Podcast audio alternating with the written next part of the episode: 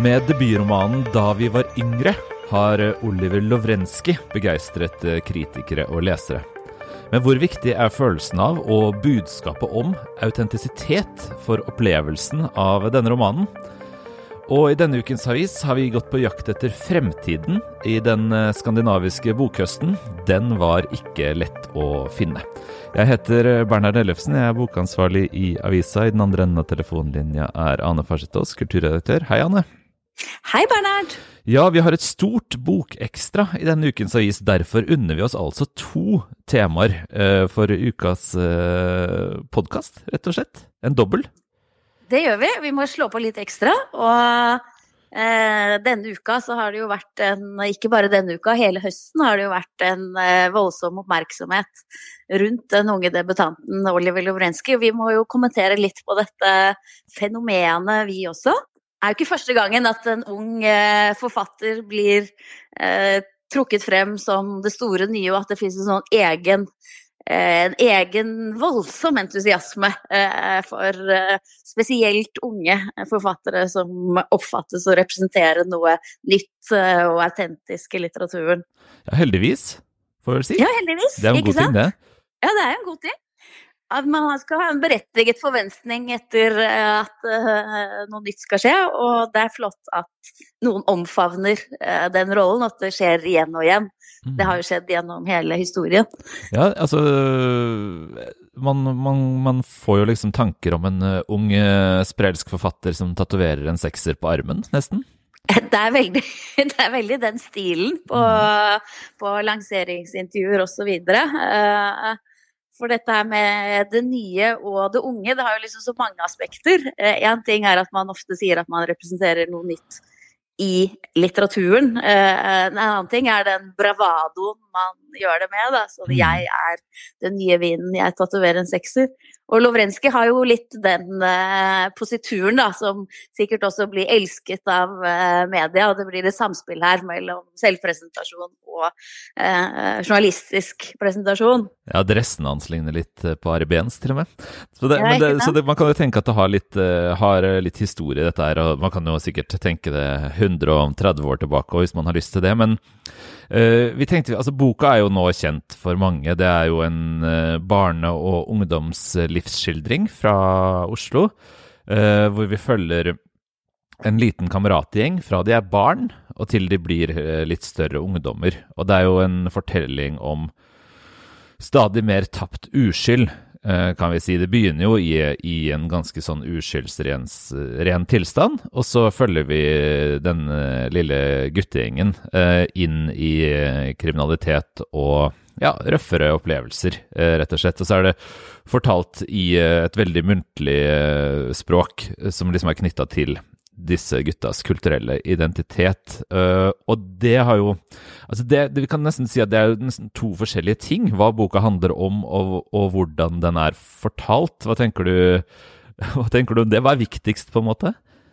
Ja, det er jo eh, ikke sant? Når, når, eh, kritikere skriver om det, så er de jo fascinert av autentisitet på to plan. Det er jo da mm miljøet. Det er alltid sånn at hvis man Eller ikke alltid, men dette med å skildre liksom det røffe, barske livet, som er det motsatte av det middelklasselivet som de fleste journalister og kritikere lever, det får jo sitt eget liv som en sånn representerer eh, noe annet, og per definisjon spennende. Eh, det er jo ikke gitt at det per definisjon blir bra å uh, handle om noe annet enn det kritikerne lever, men det er en sånn fascinasjon der. Og så er det språket, da, som er Eh, som veldig mange også hyller som en kvalitet i seg selv. Altså det at det bryter med normalnorsk eh, og ligner på det som et forferdelig begrep eh, kalles for kebabnorsk. Eh, og dette her blir jo også trukket fram som en kvalitet i seg selv, som mm. en uh, språklig overskridelse. Og det, altså, det, er ikke gitt, det heller. I seg selv kan det jo også ha blitt en form for sjargong som uh, ikke nødvendigvis er litterær i seg selv å sette ned på papiret. men det er noe veldig sånn Når man skal lese det, så i hvert fall støtter jeg veldig på en sånn stå språket i veien, eller er språket et godt redskap eh, for å formidle det. Uh, og det er jo nesten litt sånn at man må prøve å ikke henge seg for mye opp i språket for å prøve å lese historien og hva den handler om. Mm. Uh, nå, nå jo, pleier vi å være opptatt av litteraturens form, da. Uh, ja. Vi pleier jo ikke å tenke at vi skal forbi den for å komme Nei, til innholdet. Uh, men, men, jeg er litt enig likevel at man i hvert fall man, man, kan ikke sette det til side, selvfølgelig, men poenget må jo være at man ikke lar seg så forføre av formen at man glemmer helt helheten. Altså at eh, det, det, handler jo om Det er jo en fortelling, eh, og det er jo et blikk på verden og et blikk på, på en, ja, noen unge gutter, da, eh, som er viktig. Så, sånn at eh, Formen vil jo spille veldig vesentlig rolle, men den kan jo ikke spille hele rollen. altså det, Hvis det ikke er noe, noe, som er fortalt her, så, så holder det jo ikke. Men det syns jeg jo det er, da. Altså jeg syns det særlig fremstår som en sånn bar, barndoms- og ungdomsvenneskildring. Altså det er disse gutta og forholdet mellom dem som, som, står der for meg, i hvert fall, som det viktigste, hvis jeg skulle sagt hva det handla om, på en måte. Ja, ikke sant. Da er det forholdet mellom disse tre vennene. Mm. Uh, er det liksom uh, Beatles uh, i 2023, så Lars Saabye Christensen skildret jo fire kompiser på Frogner og deres vennskap. Og det var på en måte varmen i den vennskapsskildringen som bar den utover Frogner-miljøet. Det foregår tilsynelatende i hvert fall på Oslo vest her òg. Ja.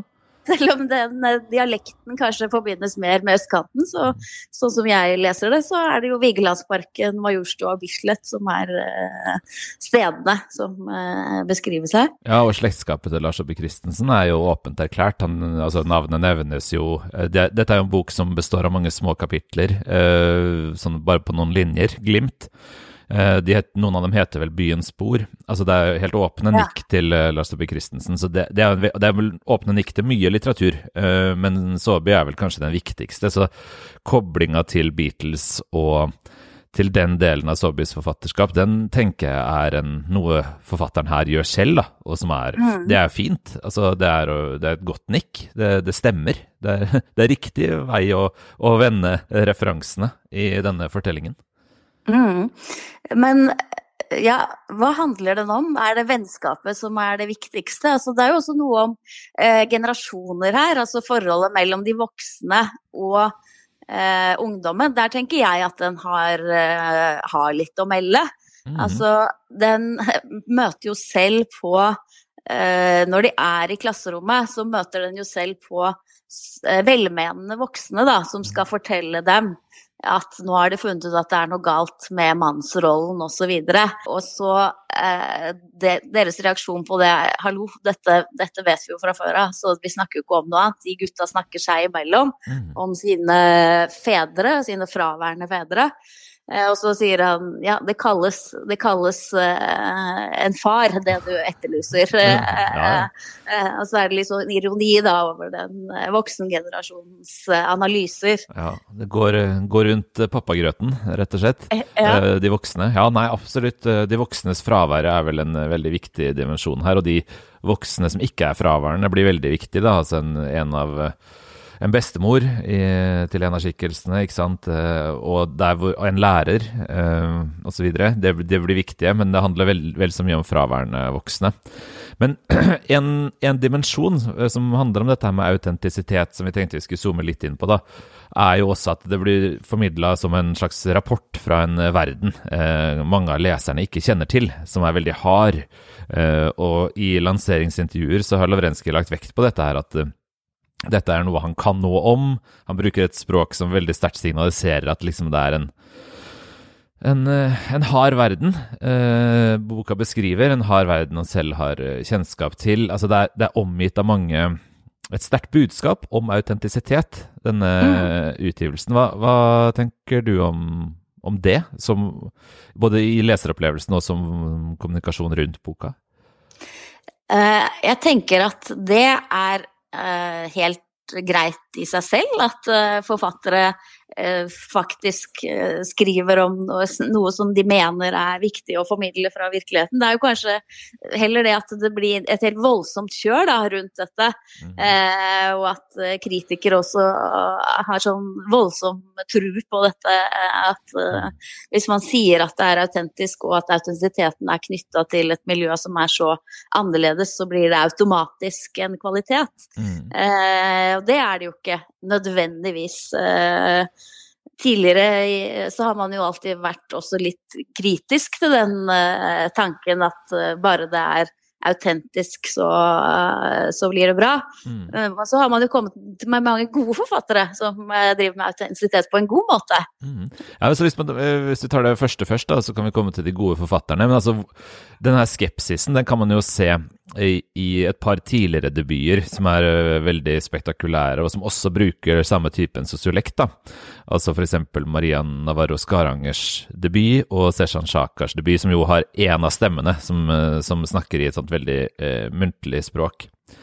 Der, der, var jo den herre forventningen i kritikken, altså i mottakerapparatet, om at dette er ekte, om at det representerer, om at vi får se inn i noe annet, den var ganske klam.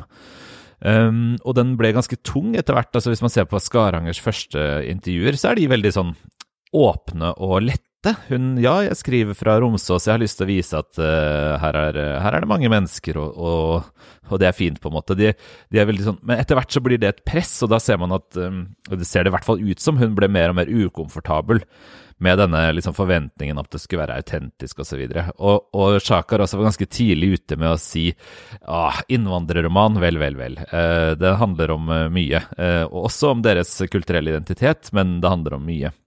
Mm. Så det er liksom, der ble jo denne autentisiteten i hvert fall føltes som noe som ble klammere og klammere, og i sterkere og sterkere grad påført bøkene utenfra? Utenfra, ja. Og som et trangt, eh, et trangt eh, mønster å lese dem gjennom, da. Som mm.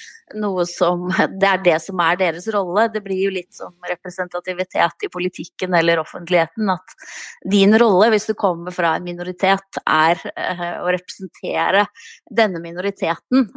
Og det er per definisjon autentisk og interessant, mens andre forfattere eller andre aktører i politikken og offentligheten, eh, de kan ha alle slags sider og trenger ikke representere noen ting. Og man trenger ikke å ha den autentisitetsfilteret, ikke sant. Vi mm. snakker jo hele tiden om at det er ikke noe krav om at forfattere bare skal skrive om det de kjenner. Det ville gjøre litteraturen utrolig kjedelig hvis man ikke skulle dikte i det hele tatt, mens de blir bundet inn i en sånn eh, Det jeg skriver, er Eh, mitt liv, livet til det underprivilegerte. Det er ikke diktning, fantasi. Eh, altså man legger et veldig sånn tungt eh, lag av autentisitetskrav og ikke minst fascinasjon, da. Det er jo det mm. her at det blir en veldig avstand mellom eh, den som hyller og den som blir hyllet. Ja, du, har, du skrev jo om det i forbindelse med Skarangers debut, det er for åtte år siden. Eh, jeg var innom det i min anmeldelse av Tante Rikkes vei, Sjakars debutroman. Eh, forfatterne selv har jo kritisert liksom båssettingen i mottakerapparatet. Priya Baines eh, hadde veldig gode innvendinger mot anmeldelsen av sin debutdiktsamling. Skaranger gikk hardt ut mot begrunnelsen for en pris hun vant, som het Stemme savnet. Um, som jeg får frysninger på, ubehagelige frysninger på armen bare av å si navnet på prisen, for jeg syns det er så håpløst tenkt. Um, så det, dette er jo, og, så tenkte jeg nå, da, når Lovrenskij kom, at uh, dette her f.eks. med Den store innvandrerromanen, som står for meg som en ganske naiv størrelse, det snakker vi jo ikke om lenger. Mye har skjedd på åtte år. Man har kommet ja. mye lenger siden Skaranger debuterte. Men så, men så, er det så mye ved denne uh, boka til Lovrenskij som liksom blir pakka inn i de samme tingene man har brukt, brukt mange år på å prøve å riste av seg. Det slår, slår meg som et paradoks. Ja, ikke sant. Og uh, det er jo det at forfatt denne forfatteren, akkurat denne forfatteren, som tross alt er 19 år gammel, har da tilsynelatende ikke noen problemer med å mm. gå inn i hele det da som Sjakar og Skaranger er kritiske til. Mm. Uh, og det får nå også være greit. Uh, selv om jeg mener at kritikere og, og journalister kanskje kan ha eh, en viss distanse til eh, disse tropene her. Ja, for det er interessant med det samme de gode forfatterne. For jeg er enig i at altså, hva, hva Lovrenskij velger å si, det er jo liksom Det må han ha lov til. Eh, og har vi, så har vi jo sett i mellomtiden at um, i Norge så har et par franske forfattere f.eks. For fått gjennomslag med nettopp sterke påstander om autentisitet i jeg-fortellerstemmen. F.eks. Edouard Louis og Annie Ernaux. Annie Ernaux er jo ikke akkurat en ung forfatter, men det er jo et sent gjennombrudd i norsk eh, sammenheng. Eh, men der, der er jo liksom den derre vante tanken vi har, som leser av Solstad f.eks., som snakket om nødvendigheten av å leve inautentisk, det har liksom fått seg et par eh, interessante slag for, for skudd, heter det, for baugen. Uh, hvor liksom autentisiteten har blitt en viktig del av en høylitterær kvalitet. Ikke sant. Og i Norge har vi jo det dårlige begrepet virkelighetslitteratur, men Edouard Louis går jo lenger enn det. Han snakker om sanne romaner, altså ordet sannhet brukt om roman, mm. som noe positivt i seg selv, og at han ikke kunne tenke seg å finne på ting.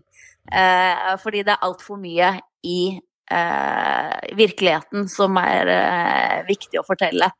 Og, og, der har det jo skjedd noe, sant. Som du sa, da vi ble oppdratt litteratur, som litteraturvitere, så var det viktig å skjønne at uh, stemmer i litteraturen er alltid et spill, og uh, nødvendigheten av å leve inautentisk osv. Mm, skrift er ikke stemme. Være, Skrift er ikke stemme, skrift er ikke virkelighet, skrift representerer ikke på en direkte måte osv. Eh, og det ble sett på som naivt, kanskje, å tro at man kunne representere Eh, virkeligheten på en sann måte i språket. Eh, og kanskje forfattere av den typen ble sett på som naive og enkle. Men så kommer det forfattere på det høyere, høyeste kunstneriske nivået eh, og omfavner ideen om at man kan representere virkeligheten på en sann måte i ord.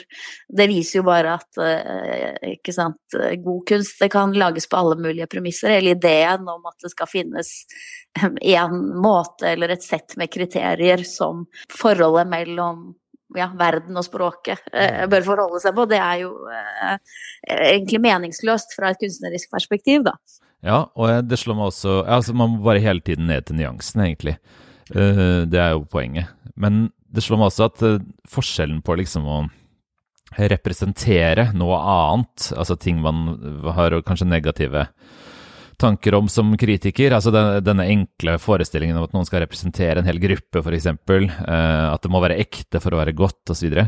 Den gnisser jo også mot en annen eh, type skrift eller tekst, og det er jo vitnesbyrdet. Um, mm. eh, som jo er veldig litterært viktig.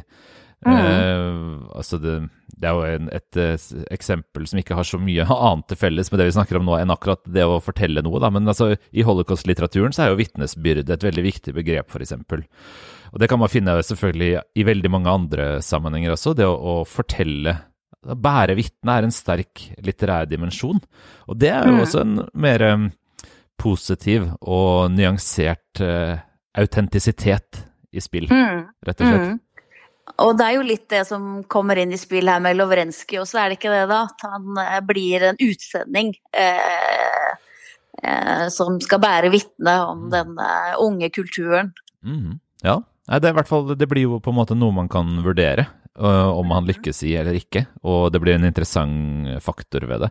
Jeg vil nok likevel si at jeg synes denne sterke omfavnelsen av den samme typen autentisitet, eller ekthetslengsel, som uh, Skaranger og Sjakar virka å prøve å unndra seg. Uh, er kunstnerisk risikabel. Ehm, jeg har jo tenkt, når Sjakar og Skaranger har gått videre til å bli veldig gode forfattere og skrive flere gode bøker, så har jeg vel tenkt at den Hva skal vi si da?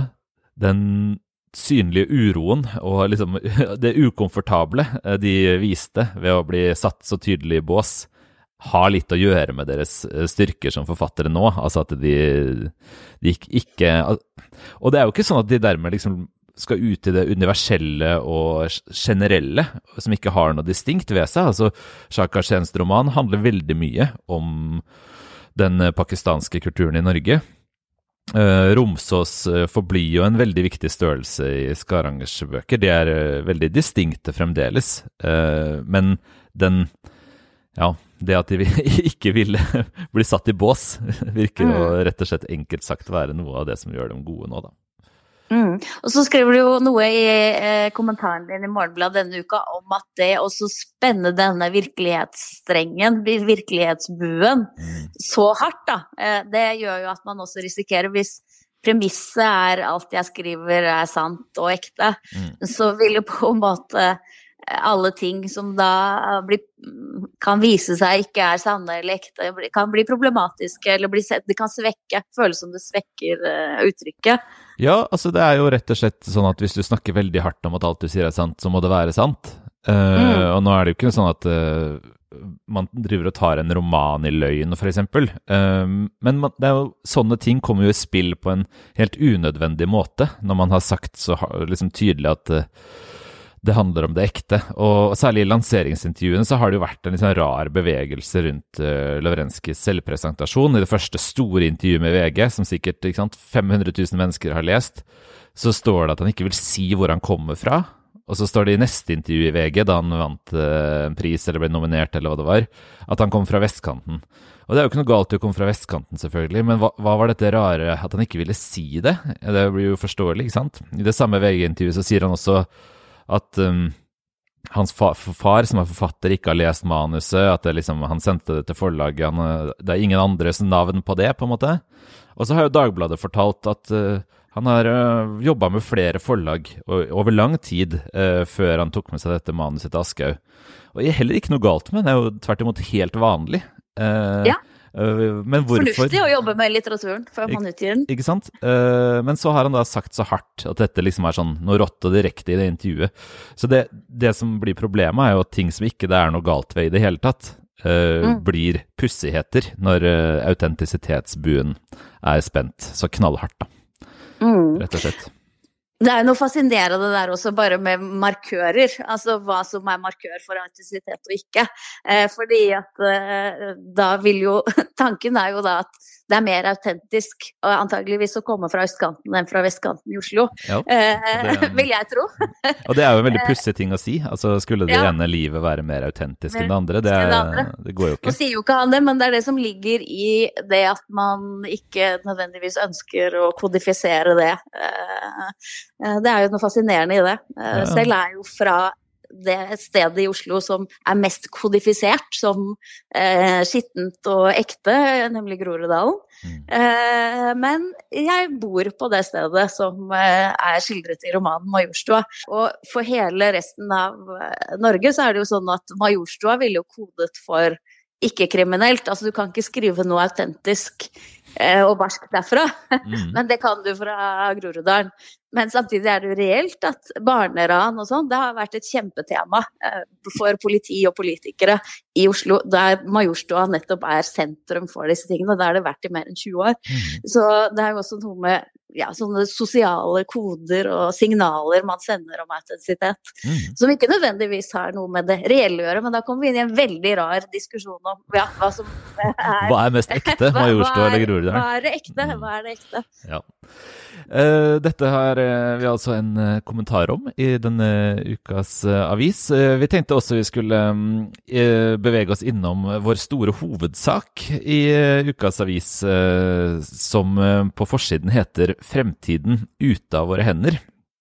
Eh, der har kollega Olaf Haagensen eh, dykket ned i den skandinaviske bokhøsten, må vi kunne si, på jakt etter hvilke forestillinger om fremtid som samtidslitteraturen nå holder seg med. Og det er jo i et forsøk på å avlese tidsånden, selvfølgelig, og sikkert av en følelse av at uh, fremtiden er noe mørk, også utenfor for bøkene. Jeg syns Olaf har funnet frem til veldig mye her, altså. Ja, det er jeg enig i. Uh, altså, det er jo ikke lystig i dette her.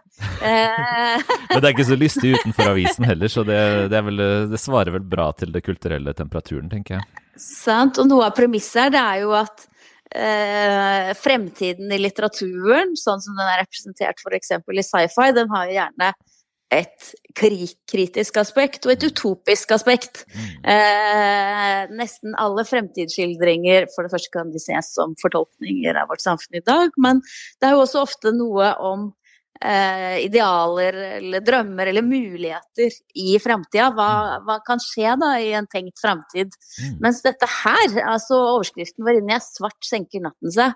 Og vi har dykket ned i den skandinaviske bokhøsten på jakt etter framtiden. Den ser ut til å være borte.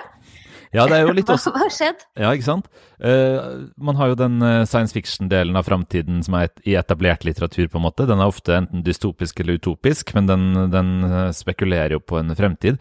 Men så tenk, må man jo tenke også at all annen samtidslitteratur, realistiske, vanlige romaner eller de bøkene man ellers leser, de forutsetter en fremtid, på en måte. Og når den fremtiden ikke syns, i en roman av Geir Gulliksen eller eh, Vigdis Hjorth f.eks. Det handler om det det handler om, relativt ubekymret for uh, at liksom alle vilkårene skal endre seg snart. Så ligger det jo også der en påstand om fremtiden, at den er stabil, at den ligner på nåtiden. Og det syns Olaf har funnet uh, frem til her, ved å snakke med den danske forfatteren Theis Ørntoft, den svenske forfatteren Agnes Lidbeck og to norske debutanter, Julia Martincic og Andrea Nikolaisen Brun, er at eh, verken når det tenkes aktivt over fremtiden, sånn som i science fiction-litteraturen, eller når den bare er en størrelse, så er den eh, tilforlatelig. Fremtiden er ikke lenger tilforlatelig, selv eh, for en realistisk eh, eh, forfatter av rela gode relasjonsromaner, sånn som Agnes Lidbeck, er den ikke det. Fremtiden har, har gått i stykker for alle, på en måte. Ja, ikke sant. Og hva, hva er det som har skjedd her? Nei, altså Det som har skjedd i verden, vet vi jo alle deprimerende godt. Eh, men det som er veldig interessant eh, tenker jeg, i undersøkelsen her, er jo at det er en fornemmelse av at fremtiden som størrelse har forandra seg i samtidslitteraturen. At det på en måte kan fortelle oss enda litt mer om vår egen følelse av uh, utrygghet overfor uh, fremtiden.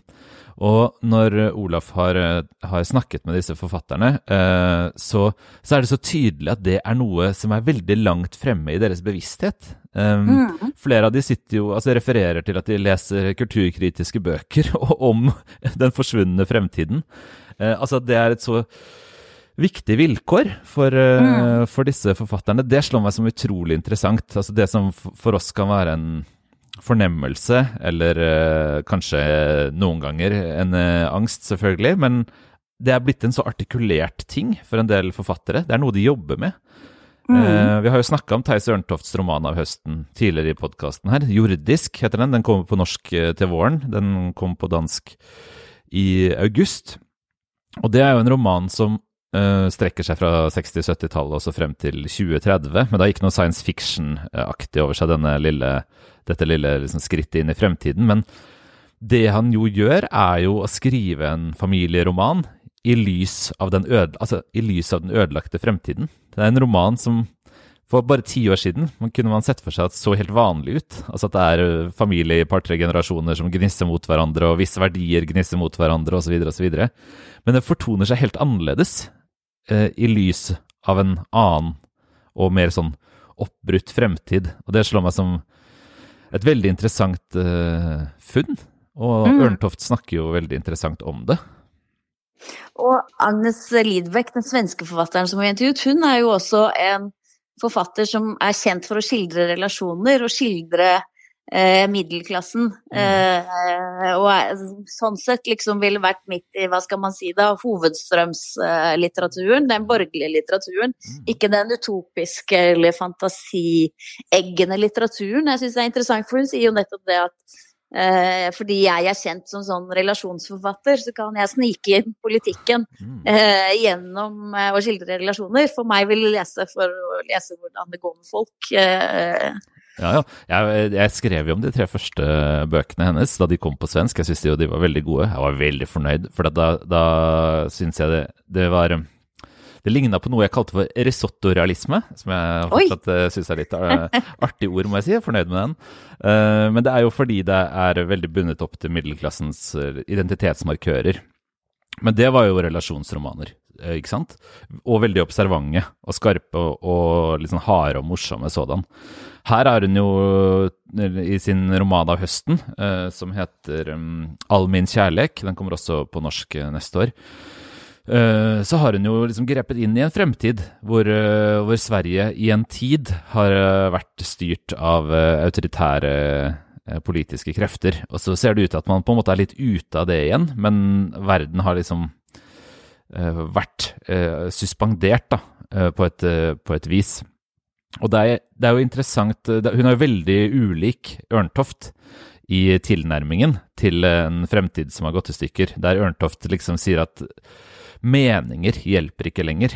Han vil skrive, liksom, han vil skrive uten holdninger, sier han, og det er jo eh, liksom det danske ordet holdning. Eh, så er jo hun veldig moralsk indignert over eh, at menneskene lar ting gå til helvete. Men jeg, har sans for begge deler, må jeg si. Mm. Altså Både det å forsøke å fange apatien, og det å forsøke å sprenge den. Ja, hun sier jo her at hun er moralist. Mm. Eh, og at sier, hun er på skjerp dere, for faen. Ja. Rett og slett. uh, og det er man jo også enig i, uh, på en måte. Og jeg tror litteraturen kan gjøre begge deler. Både være moralistisk og å fange en følelse av apati. Mm. Og så apropos da de unge og debutantene, så har vi jo da snakka med to eh, norske debutanter av året. Mm. Eh, som er langt yngre enn eh, Lidbeck og Ørntoft. Men uh, det viser seg at det er mye av det samme der også. Det er klart jeg ikke har noen tro på fremtiden. Det var overskriften med en av høstens debutanter, Julia Martinschik, da hun ble intervjua i Aftenposten. Mm. Uh, hun sier jo at det er vanskelig å snakke om fremtiden uten å bli stemplet som pessimist, uh, men hun mener at det er reelt. da, at Man kan ikke være så redd for å bli stemplet som pessimist når, når det, er realistisk. Det er superinteressant at de yngste forfatterne snakker om det, debutantene. Altså, jeg, jeg har vært så opptatt av en bok de siste åtte-ni årene som, av Terry Eagleton, den gamle litteraturforskerhelten. Eh, som heter 'Hope Without Optimism', som, eh, som handler om nettopp det at man må liksom meisle ut en slags fremtidstro, eller hva man skal kalle det, uten optimisme, fordi det er så lite grunn til det. og det er en veldig sånn komplisert prosess i Egilton's utlegning, hvor han bruker marxisme og, og, teologi for å få det til.